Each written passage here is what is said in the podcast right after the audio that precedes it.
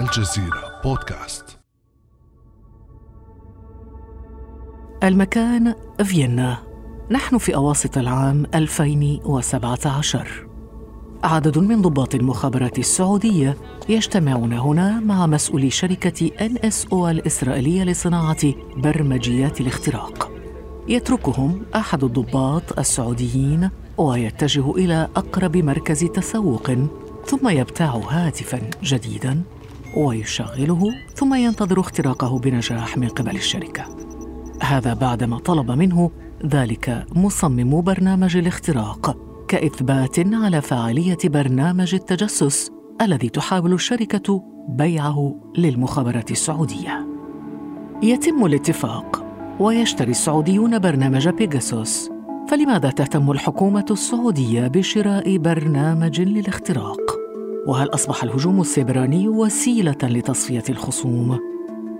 بعد أمس من الجزيرة بودكاست أنا خديجة بن جنة.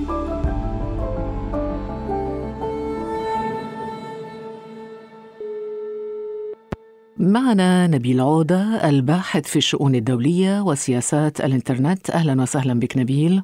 أهلا وسهلا فيكم يا مرحبا.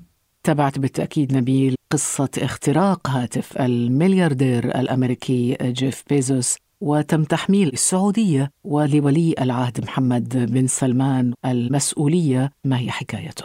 الحكاية تبدأ تقريبا من شهر أبريل أو مايو 2018 استقبل الملياردير الأمريكي بيزوس رسالة شخصية من الهاتف الشخصي لمحمد بن سلمان بعد ذلك أصبح الجهاز الشخصي لجيف تقريبا يرسل بكميات هائلة جدا المعلومات إلى جهة ثانية. هذا أمر أثار الشكوك هو عين شركة أمنية تحقيق خاصة في هذا الموضوع FTI. وحقيقة حتى رويترز في تقريرها في عام 2019 بشهر إبريل كانت تقول إنه التحقيقات وصلت نوعا ما إلى حالة من الثقة العالية أو المتوسطة حسب هذه الشركة إنه الضالع في هذا الموضوع هو محمد بن سلمان الولي العهد السعودي. طبعا لابد من التذكير إنه السعودية إلى الآن تنفي هذا الموضوع. نعم هي تنفي لأنه حقيقة خديجة إنه الموضوع صعب إثباته. يعني إحنا في عالم الإنترنت أو في عالم الهجمات السيبرانية خصوصا إذا أخذنا بعض البرمجيات الخبيثة أو برمجيات التجسس عالية التقنية مثل بيجاسوس فإحنا رايحين باتجاه إنه هذا البرنامج من الدقة ومن التقانة بحيث إنه يستطيع أن يحذف نفسه مباشرة بعد أن يخترق الهدف، بمعنى آخر أنت عم تبحثي عن وحش مش موجود يعني عن شبح.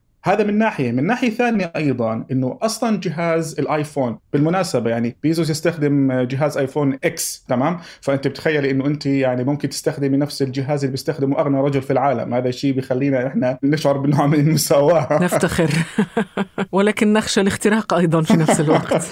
آه نعم، مشكلة الآيفون صحيح إنه هو جزء من أعلى أو من أقوى الأجهزة حماية ضد الاختراق، ولكن مشكلته إنه نظام ال iOS هو نظام مغلق يعني لا تتحكم فيه إلا شركة أبل. ولذلك صعب اختراقه. وإذا تم اختراقه يصعب الآن البحث في الاختراق وصعب تعقب هذا الاختراق. قبل شوية ذكرت نبيل أنه رويترز تحدثت عن ربما كانت الأولى التي تحدثت عن اختراق هاتف بيزوس الأمم المتحدة أيضا تبنت قصة الاختراق. ومن خلال تقرير لأنياس كلامار مقررة الأمم المتحدة لحالات القتل والإعدام خارج القانون تحدثت عن هذا الأمر. ما أريد أن أقوله هو أن قرصنة جيف بيسوس كانت من أجل السيطرة وربما إسكات صوت الواشنطن بوست وتقاريرها عن السعودية.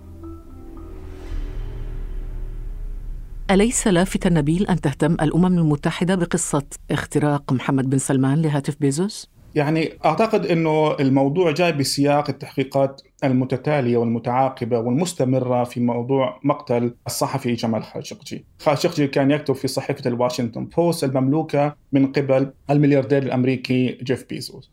فلذلك الموضوع يأتي في هذا السياق، أعتقد إنه الاختراق تم قبل مقتل خاشقجي. فأعتقد إنه الموضوع جاي في سياق ابتزاز أو منع خاشقجي من الكتابة في الواشنطن بوست. على اعتبار إن الواشنطن بوست واحدة من أكبر وأضخم وأعرق الصحف العالمية التي لها تأثير كبير جدا على النخب الأمريكية في واشنطن. عملية القرصنة بدأت في مايو 2018 في الوقت الذي كان جمال خاشقجي يكتب في الواشنطن بوست تقارير انتقادية ضد السعودية وضد ولي العهد على وجه الخصوص. والمرحوم جمال خاشقجي تعرض إلى هذا الفخ وتم مراقبة حساباته وتم التعرف على جميع تحركاته. وهذا ما حدث مع جمال خاشقجي. في عصر أحد الأيام قبل أكتوبر 2018 كان الصحفي السعودي جمال خاشقجي يتبادل رسائل واتساب مع المعارض السعودي عمر بن عبد العزيز في كندا. ظانين أن تشفير واتساب يوفر لهما حماية من المتطفلين في النظام السعودي قبل أن يعرفا أن رسائلهما مخترقة. فكان رد خاشقجي لعمر عين الله. بعدها بحوالي شهرين دخل خاشقجي مبنى القنصلية السعودية في إسطنبول ولم يخرج أبداً.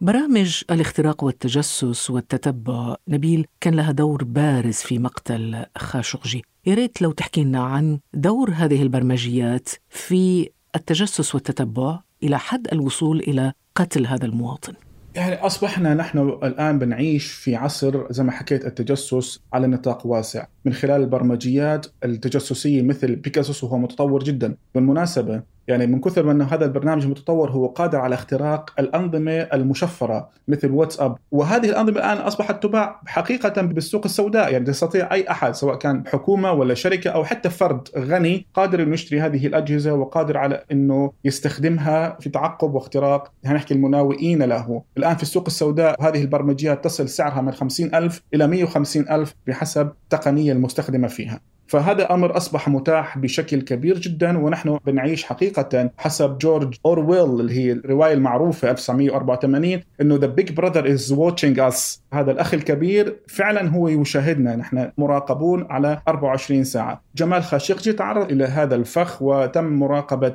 جميع تحركاته السعودية وحتى غيرها من الدول العربية وحتى جميع الدول معنية بشكل كبير جدا في اقتناء البرامج التجسسية من أجل استهداف المعارضين. كلمة السر هنا هو محاربة الحريات فضاء أو أي هامش للحرية من أجل قمع الشعوب وقتل كل تطلع إلى الديمقراطية أو الحرية.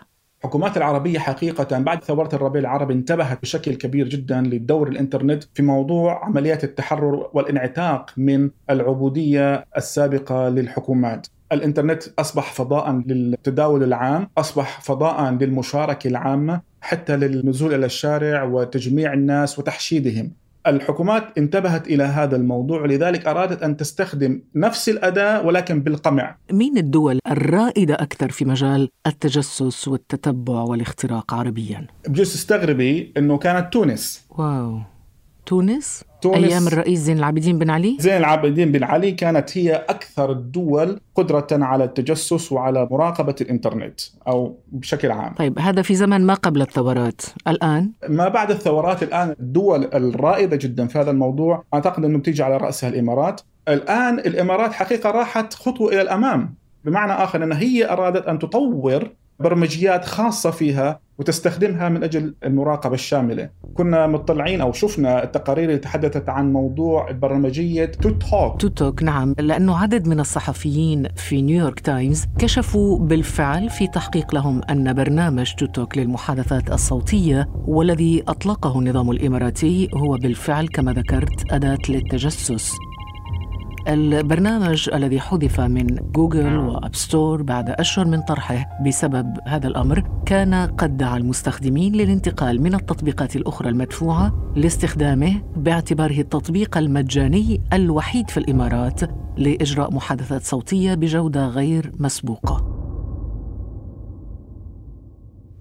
الإمارات راحت باتجاه إنه تمنع جميع التطبيقات الأخرى يعني الواتساب الماسنجر ممنوعين هناك حتى السكايب هناك يجب أن تدفع اشتراك شهري. فراحت باتجاه توفير خدمة جديدة اللي هي ToTok وقامت هي بذاتها بتطوير هذا البرنامج من خلال شركات تابعة لها اللي هي شركة بسموها Pax AI وشركه Dark Matter وحقيقة التطبيق يعني من ناحية التقنية ومن ناحية الأصالة التقنية التطبيق عالي التقنية وفعال جدا بحيث الاتصالات فيه تشابه الاتصالات الأرضية من جهة الوضوح الصوت. نجح آه، ToTok في جذب الملايين من المستخدمين من الشرق الأوسط من أوروبا من آسيا وأفريقيا وأمريكا الشمالية. طب لماذا؟ نبيل إنه هذا التطبيق يساعد السلطات الإماراتية على جمع كم هائل من المعلومات ليس فقط عن المواطنين الإماراتيين ولكن عن الجميع. ما الذي تهدف إليه؟ الآن خديجة أصبحت البيانات هي عبارة عن نفط هذا العصر. على قدر ما أنت قادرة على أن تجمع البيانات على أنت بتكوني قادرة على استخدامها وتحصيل النفوذ الذي تحتاجينه. بمعنى آخر أنا الآن الحصول على البيانات أصبح أمر محوري جدا ليس فقط للشركات ولكن أيضا للحكومات. فعندما هي تطور هذا البرمجية وتنشرها بالأسواق هي الآن قادرة على الولوج إلى البيانات الشخصية لجميع المستخدمين. فلذلك هي قديما إذا أردت أن تتجسس أن تبعث بمندوبين أو بجواسيس إلى الخارج من أجل التجسس على المستهدفين، الآن أنت تجمع البيانات وأنت جالس على مكتبك من غير ما تبعث أي حدا، فلذلك هاي وفرت للحكومة الإماراتية ولكثير من الحكومات غيرها. حقيقة الأمر لا يتعلق فقط بالحكومة الإماراتية هناك الحكومة الأمريكية من خلال برنامج PRISM اللي طورته ال NSA مثلا. كان يتجسس على عشرات الملايين من الأمريكيين، كما يتجسس الإمارات الآن على عشرات الألاف وعشرات الملايين أيضا من المواطنين العرب والإماراتيين. نعم ولكن نبيل ربما الفرق هنا هو أنه المواطن الأمريكي في الولايات المتحدة الأمريكية يمكن أن يقاضي السلطات، يعني هناك آليات قانونية تحمي المواطن عكس ما هو موجود الآن في الدول العربية. يعني لا أتخيل مواطنا اماراتيا مثلا أو عربيا بشكل عام يرفع قضية ويكسب هذه القضية ضد حكومته لأنها تتجسس عليه. طبعا هذا كلام صحيح. يعني في الأنظمة الديمقراطية سواء الغربية هناك بالأخير قانون بالأخير هناك يعني قضاء مستقل. لكن للأسف في الأنظمة الدكتاتورية العربية هذا الكلام لا يوجد. للأسف أنه جزء كبير جدا حتى من المواطنين العرب إذا هو مش فاهم هذه الفلسفة فهو أيضا راضي فيها. يعني معنى آخر إنه جزء كبير جدا من المواطنين الإماراتيين راضيين عن استخدام تو توك بالرغم من إنهم عارفين إنه هو عبارة عن أداة للتجسس الحكومية. لماذا؟ لأنهم لا يريد أن يضحوا بالخدمات التي يوفرها هذا التطبيق. الاتصال المجاني والواضح جدا مقابل ما يقولون أنه يعني تجسس الحكومة على بياناتنا الشخصية. لأنه جزء كبير جدا من لك من الشعب أنا ما عندي شيء إن أخفيه عن الحكومة. للأسف أن هناك نوع من التطويع الذات أو من خلينا نسميها كي الوعي.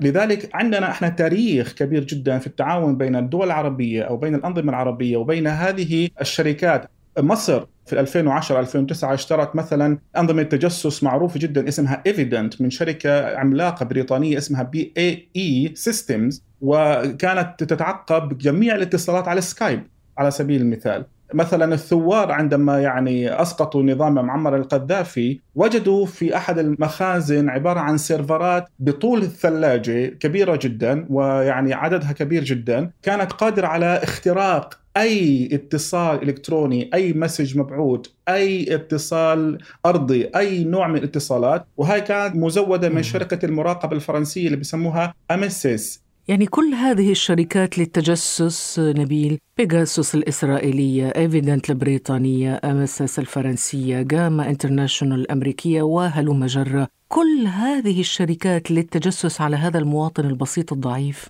للأسف أصبح هناك نوع من التحالف أنا بسميه التحالف الأسود بين الشركات هذه الخاصة. وبين الحكومات من أجل التعقب المواطنين ليس فقط المعارضين ولكن جميع المواطنين. إحنا الآن عم بنعيش خديجة في عصر إحنا بنسميه ال mass surveillance اللي هي عصر المراقبة والتجسس الشامل. وفي مصطلح بصراحة أجمل منه أنا بحب أستخدمه اللي هو بسموه ال bulk surveillance اللي هي التجسس بالجملة. اعتقد هذا الكلام سوف يؤثر بشكل كبير جدا سواء على الديمقراطيات الغربية الموجودة حاليا أو على التحول الديمقراطي في الديمقراطيات الوليدة. اللي إحنا بنشوفها في العالم خصوصا في العالم العربي مثل تونس وغيرها.